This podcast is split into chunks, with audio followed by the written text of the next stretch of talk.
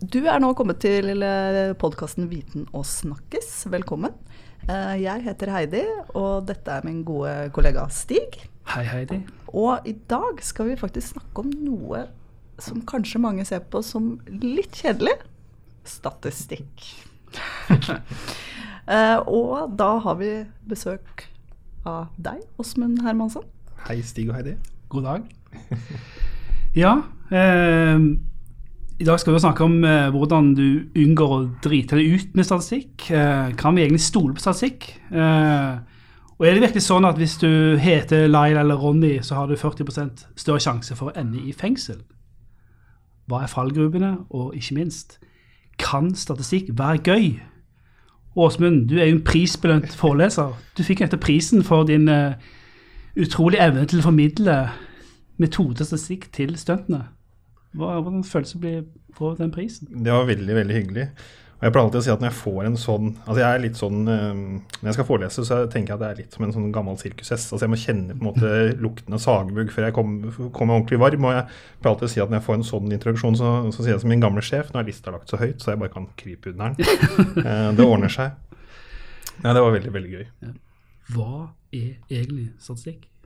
Statistikk er en måte å Altså vi går ut i verden. Jeg pleier også å si til studentene mine at når vi går ut i verden, så går vi egentlig og samler Vi er egentlig litt sånne private statistikkbyråer alle sammen. Vi går og samler data, vi går og kategoriserer. Eh, jeg pleier alltid når jeg begynner en forelesning med å eh, ta opp litt sånn fordommene mine. Eh, blant annet så sier jeg at hvis jeg ser en litt røslig mann i slutten av 40-åra, begynnelsen av 50-åra, Eh, sykler rundt på en veldig fancy eh, sykkel i litt sånn, sånn Tour de France-utstyr, så tenker jeg alltid midtlivskrise. eh, og Det er selvfølgelig litt sånn, det blir alltid litt sånn kleine øyeblikk når man, man sier sånn, men, men, det er på en måte at sant, vi går og har noen sånne, eh, har noen sånne forestillinger eh, om, om, eh, om, verden, og så samler vi de og kategoriserer, og så trekker vi noen slutninger. Da er det egentlig også statistikk handler om å systematisere observasjoner og, og trekke slutninger på basis av de. da. Men kan vi stole på det? Det er et litt sånn stort spørsmål. Churchill har, har blitt, eh, det har blitt sagt at Churchill har sagt uh, You have three lies. Uh, lies, damn lies and statistics. Mm. Uh, årsaken til det er jo selvfølgelig ikke Eller mye av det handler ikke om statistikken i seg sjøl, men, men, men hvordan statistikken blir produsert, presentert, fortolka. Uh, I Norge vi, er vi så heldige at vi har noe som heter registerstatistikk. så Vi har på en måte, vi har uh, oversikt over hele befolkningen. Og, og, på en måte vi har det vi kaller fulltellinger.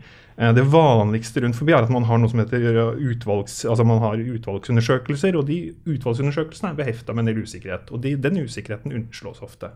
Men i Norge så vet vi hva gjennomsnittsalderen er. Vi har, mens i USA f.eks., hvor man ikke har noe folkeregister, så har man jo ikke noen egentlig noen faktisk, Det er den beregna gjennomsnittsalder. Det er beregna folketall.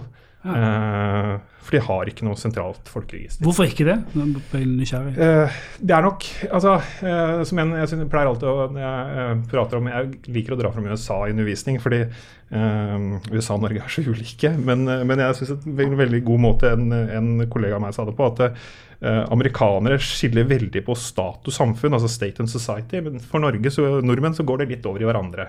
Staten og samfunnet det er litt samme greia. Altså, vi har en veldig tillit til, til, til uh, myndighetene våre, og vi har også en veldig tillit til at den, de dataene de sitter på, den statistikken de samler inn, ikke blir misbrukt. og Det er veldig, veldig, også veldig, veldig viktig for, for, altså for SSB og statistikkbyråene i de nordiske land. Da. det, er, det er jo som kjennetegner nordiske land at vi har veldig gode registerdata. Eh, og at de da ikke blir, eh, ikke kan, ikke blir misbrukt. Eh, et eksempel på det er altså, at man måtte ha tatt et sånt føre var basert på tidligere erfaringer. at I Frankrike for eksempel, så får du ikke lov til å De har også registerstatistikk i Frankrike, men du får ikke lov til å registrere landbakgrunn.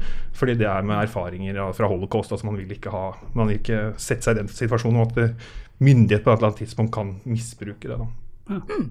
Interessant. Nå skal vi over til å se litt mer på hvordan man bør forstå statistikk, mm. og hva man egentlig bør vite for å ikke drite seg ut med statistikk. eh, og da har vi først Vi har noen fallgruver som vi skal gjennom. Og da er det den første er utvalgsproblemer. Hva er det vi kan møte det der? Det høres gørr ut. Det må være spennende. ja, altså det, det, handler jo med de her, her utvalgsundersøkelsene at man har, et, man har trukket et utvalg fra en populasjon. altså Når vi snakker om populasjon, så snakker vi f.eks. at vi vil si noe om hele Norges befolkning, men så har vi ikke råd til å ringe hele Norges befolkning, så vi trekker et utvalg av Norges befolkning, f.eks. Problemet er, eh, eller utfordringen kan være at det utvalget kan være skjevt eller ikke representativt. Så, så man kan tenke litt sånn ok, hvem er det som spiser middag klokka fem og har fasttelefon? Eh, Det er, Det er en spesiell type mennesker. det er en spesiell type mennesker. Altså det er, de har noen kjennetegn som ikke gjør de da altså ikke sant, hele representative for hele befolkningen. Og jeg må si at jeg humra litt eh, i, i, skjegget jeg ikke har, eh, når, eh, når, når eh, det på en måte gikk gjennom journal- Mange journalister hadde liksom en sånn, eller mange aviser hadde en sånn krisestemning når, når først eh, brexit ikke på en måte, Det var ingen meningsmåling som viste Ja. at brexit skulle bli noe av. Og så kom jammen meg Trump òg. og eh, heller ingen meningsmålinger viste det. Men, men, men det er jo utfordringen nettopp med at altså Det er det ikke statistikken i seg sjøl, men det er på en måte håndverket som ligger bak. Så Mange av disse som gjør sånne meningsmålinger, de har ikke representative utvalg. De bare, de bare sier at vi skal ha 400 stykker eller 600 stykker, og så bare tre, så ringer de fram til de har fylt opp den kvota, for det er kvoteutvelging. Eh, og Der har du masse problemer med at hvem er det som ikke svarer, osv. Og, så videre, og så sitter du sannsynligvis igjen med et skjevt utvalg, og da sier de at vi skal stemme Hillary, eller de skal bli i EU. Ja, men hør det, altså, dette er jo proffe byråer som har holdt med det i årevis. Altså, I USA har de meningsmålinger overalt hele veien. Eh, skulle man ikke kunne stole mer på at de kunne finne et representativt utvalg? Jo, altså det mange, det, det mange eh, sier, eller det som har vært sånn trenden, er at eh, hvis man har på en måte skjeve utvalg, så vil det her kunne eh, Hvis man, man kan se på, på måte trender over tid, altså hva er på en måte tendensen i ulike, mange forskjellige målinger over tid, men det gir på en måte ikke så altså Det er ikke så veldig mye slag i det i en avis for eksempel, som gjerne vil ha noe på eh, forsida neste dag. altså det er litt sånn, altså Hva er det som er nyhetsverdi der og da? Eh, og så er det også de som snakker om big data. altså At man kan begynne å bruke f.eks. at man har der, det er noen som har utforma algoritmer som, som, som henter inn jeg bruker millioner av twittermeldinger, henter inn informasjon fra nettsider og på en måte altså, ja, ser på strømmer da, i sosiale medier. og, og så, såkalt big data, eller analyser av big data forutsa faktisk Trump at Trump skulle vinne, og forutså brexit. Så der er det. Det er, en, det er Right. håp. Det er Ja, håp. vi har vel flere fallgruver eh, når det gjelder statistikk. Vi har, vi har den klassiske spiriøse korrelasjonen. Det er et herlig ord, vi bare sier Ja, det en si gang. det igjen. Si det en gang til. Spiriøs korrelasjon. Fantastisk. Og, og Stig var jo inne på det. Det var et eh, oppslag i VG for noen år siden. Eh, som, som hadde altså, Heter du eh, Laila eller Ronny, så har du 40 større sjanse for å ende i fengsel. Jeg vet ikke om det var akkurat den prosenten, men det var i hvert fall, jeg husker bare at det var en sånn at de hadde liksom tatt utgangspunkt i navn. Og det er liksom det er sånn klassisk, altså det er ikke det at du heter Laila eller heter Ronny eller har et eller annet navn som gjør det, men det er altså eh, det, er, det er bare en overvekt av, av, av, av de som sitter i fengsel som kanskje har noen, noen navn, og så, og så trekker man en slutning at det er navnet som, som gjør at du sitter i fengsel, men det er kanskje en litt, det er å dra det litt langt. Eh, et enda bedre eksempel, altså jeg pleier alltid å si at amerikanere pleier å ta det litt langt, og det er en som heter Tyler Wiggin, som har lagd en egen bok som heter 'Spuriøse korrelasjoner'. og han fant bl.a. at eh, det er en sterk sterk sammenheng med antall filmer Nicholas Cage har deltatt i over år, og antallet som har druknet i sitt eget badebasseng. Altså, det, er en, helt super sammenheng. Ja, det er en helt perfekt altså, det, er en korrelasjon, på 91,4% altså en, omtrent en perfekt korrelasjon mellom eh, Brad Pitts, eh, hva han tjente fra 2001 til 2009, og iskremkonsumet per amerikaner. Ja. Altså, det er jo også sånn- liksom sånn, ok, er det da på en måte Hva kan årsaken være? Hva kan årsaken være? Er det at Brad Pitt egentlig får sine filminntekter eh, fra, fra iskremkonsum? Eller altså, ikke sant? Det er altså, helt sånne type uh, ja, tullete sammenhenger, ja. Eller ikke. Altså, det er på en måte eh, Det er andre variabler eller andre egenskaper som forklarer det. Men vi ser at det er en sammenheng, og så kan man ofte trekke at det er en slutning at det er en sammenheng, men den, den er altså helt tilsynelatende eller falsk. Ja. Falske slutninger. Vær oppmerksom, kjære lytter, ja. på falske slutninger i statistikker. Spesielt i avisene, kanskje. Ja, Ja. og er det, her, altså, er det her bare en tabloid overskrift, eller er det faktisk er, er noe reelt bak? Gir det her mening? Og det er veldig også viktig om man får presentert resultater som kan tilsynelatende virke litt uh, sære, så kan det heller faktisk at det er bare at det faktisk er sprøse korrelasjoner. Uh, og så tenkte vi å snakke litt om feilmargin. Feilmargin, den er veldig klassisk. Hva er det for noe?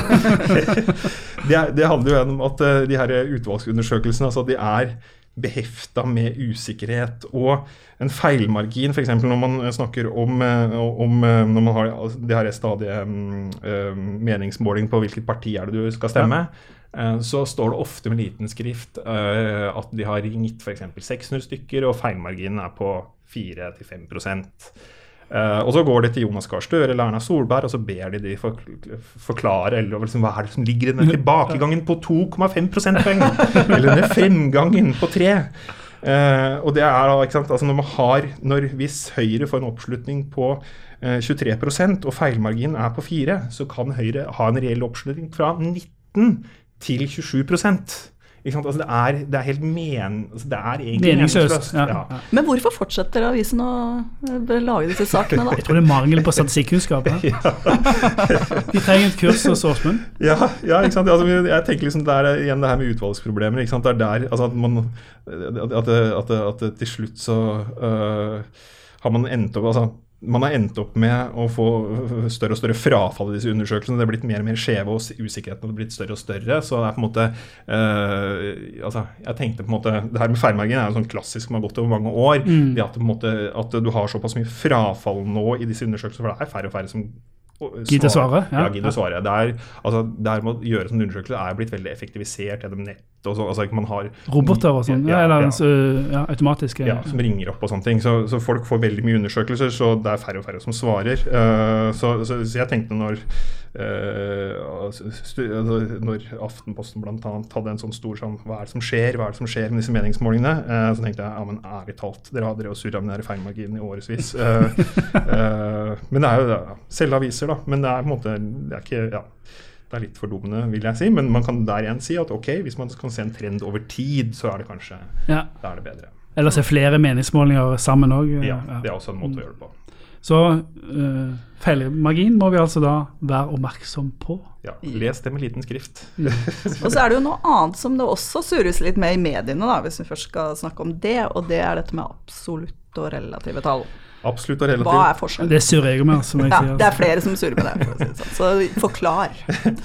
altså Absolutt relative tall. det er altså for eksempel, Her er det også liksom, eh, mye tabloide overskrifter som, som, eh, kommer. Jeg hadde en sånn der, et tenkt eksempel, men jeg tror faktisk at det, er eh, Hvis man leter lenge nok, så kan man finne at det faktisk har stått i en avis. altså en, Det er en dobling i andelen som har blitt angrepet av hissig sau i fjellet.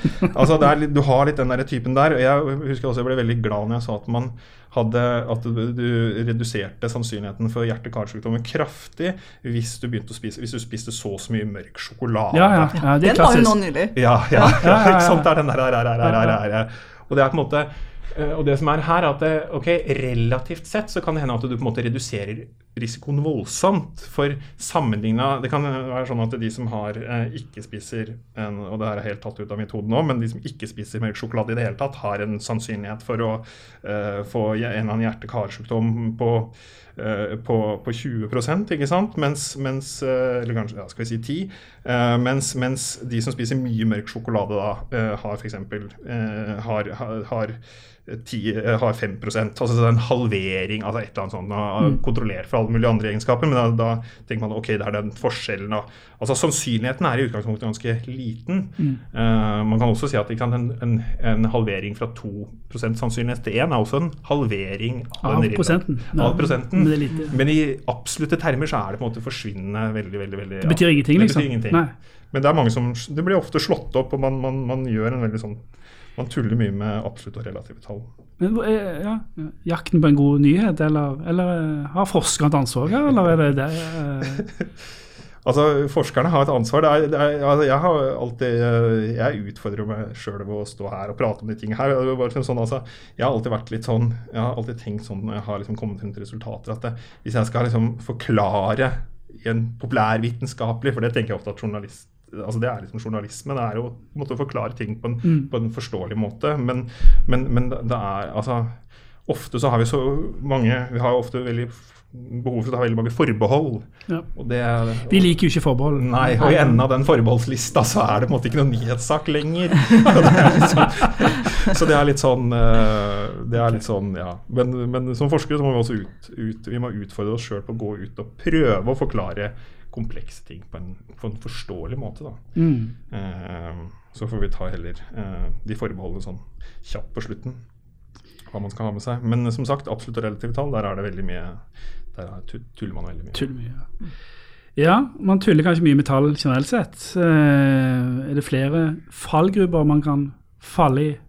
Altså, jeg pleier ofte å si det at, det, eh, eh, at et tall må altså, eh, er, Tall kan være veldig forførende og virke veldig sånn overbevisende. eh, og, og, og tall har veldig sånn gjennomslagskraft. Men jeg pleier alltid å si at, eh, at tall må alltid kunne gis en forståelig mening. altså De som presenterer tall, må kunne forklare hver og en eh, hva er det egentlig det tallet representerer.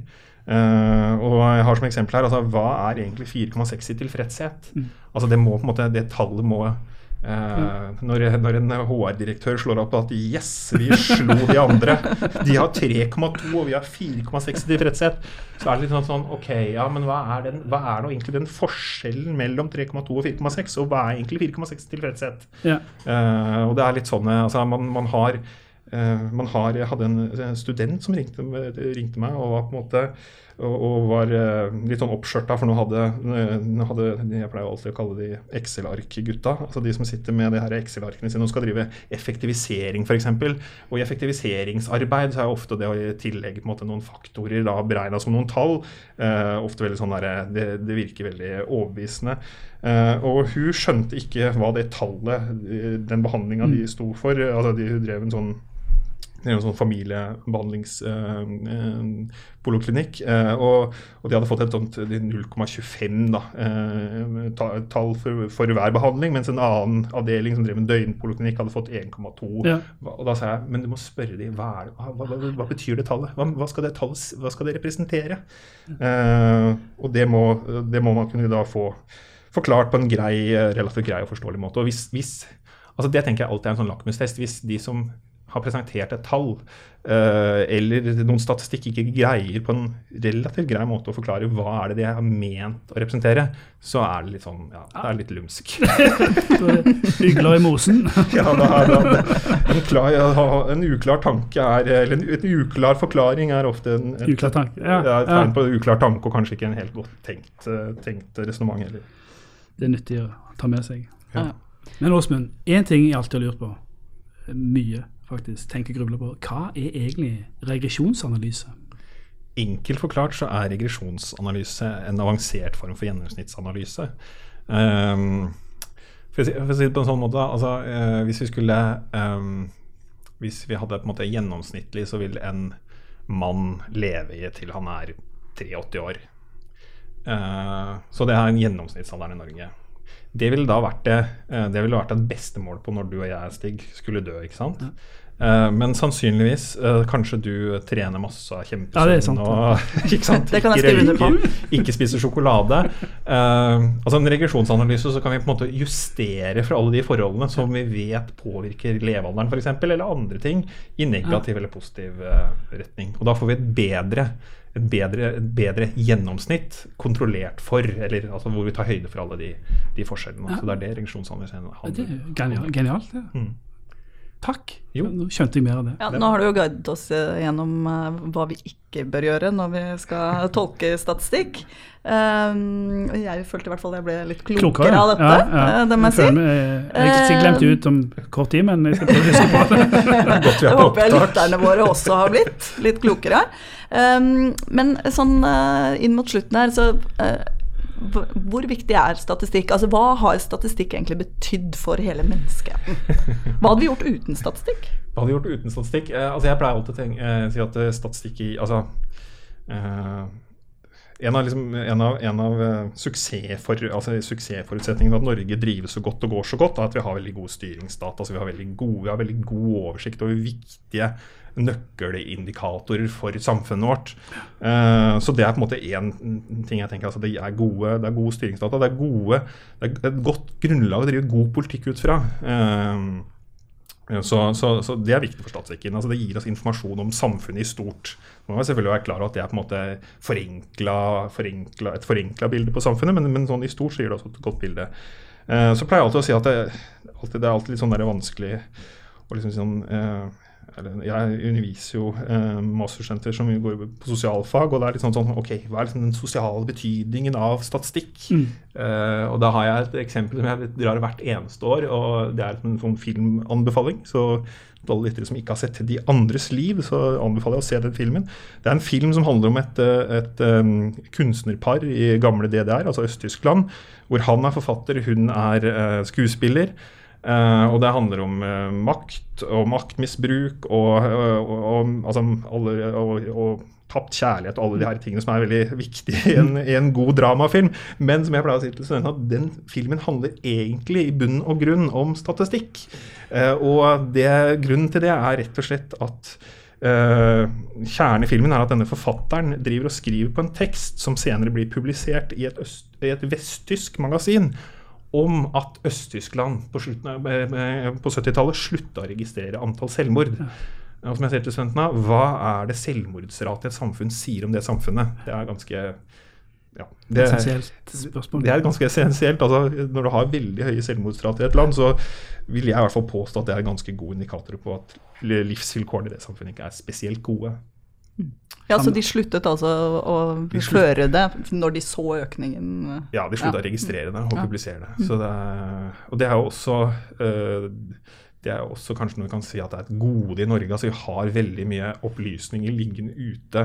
For statistikk er, er en måte for selvfølgelig myndighetene å kontrollere sine borgere på, men når den publiseres også er på en måte fritt tilgjengelig, sånn som det er på ssb.no og for så vidt også på Nav, som har også mye statistikk, så er det også en måte for innbyggerne å gå etter eh, sånn, sømne tvilsomt til at man burde publisere det offentlig. Med all den feilen man gjør på statistikk, så burde jo egentlig holdes hemmelig. Uh, ikke register, altså Registerstatistikken, der er det jo, der er det jo da er, Registerstatistikken er nå veldig god, altså.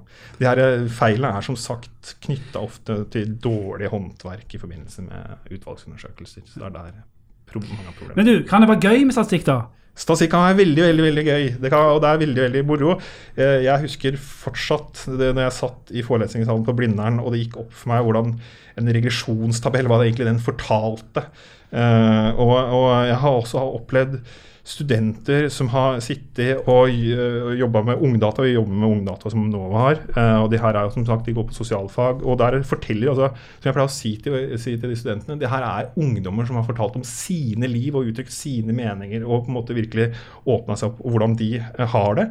Uh, og det var ei som satt og så der at bare uh, satt og så på spørsmålet har du troa på at du skal få en god framtid. Og da tror jeg det var faktisk uh, borti 28% på norsk ungdom som sa at nei, de hadde ikke helt troa på det. Det var liksom sånn, det bare slo hun veldig. Og bare tenkte jeg, de vil jeg finne ut av. Altså Jeg jobber jo med de ungdommene som jeg sa, de her vil jeg finne ut av hvem er, og hva kjennetegner de. Så litt sånn dystre eksempler, kjenner jeg, men, men, men statistikk er ja. De behersker statistikk, ja. Det er, veld, ja, det er veldig morsomt å få, eller veldig inspirerende å ha tilgang på den verktøykassa og virkelig kunne, kunne si ja, presentere ting som, som, som, som, samfunnet har behov for, og kunnskap som, som samfunnet etterspør. Heidi, har du blitt klokere i dag? Ja, det vil jeg absolutt si. Jeg, som gammel journalist så er jeg en av de som ofte har sikkert surra med statistikk, mm. hvem vet. Blitt veldig mye klokere. Du har synda. Ja, tusen takk Åsmund for at du kom innom. Takk for at jeg fikk komme. Det var veldig lærerikt. Ehm, og takk for at du hørte på Vitensakkes, du der ute, hvem du enn måtte være i statistikken. Ehm, følg oss gjerne på Facebook-gruppa vår. Og abonner på podkasten din i podkastappen du måtte ha. Takk. Ha det.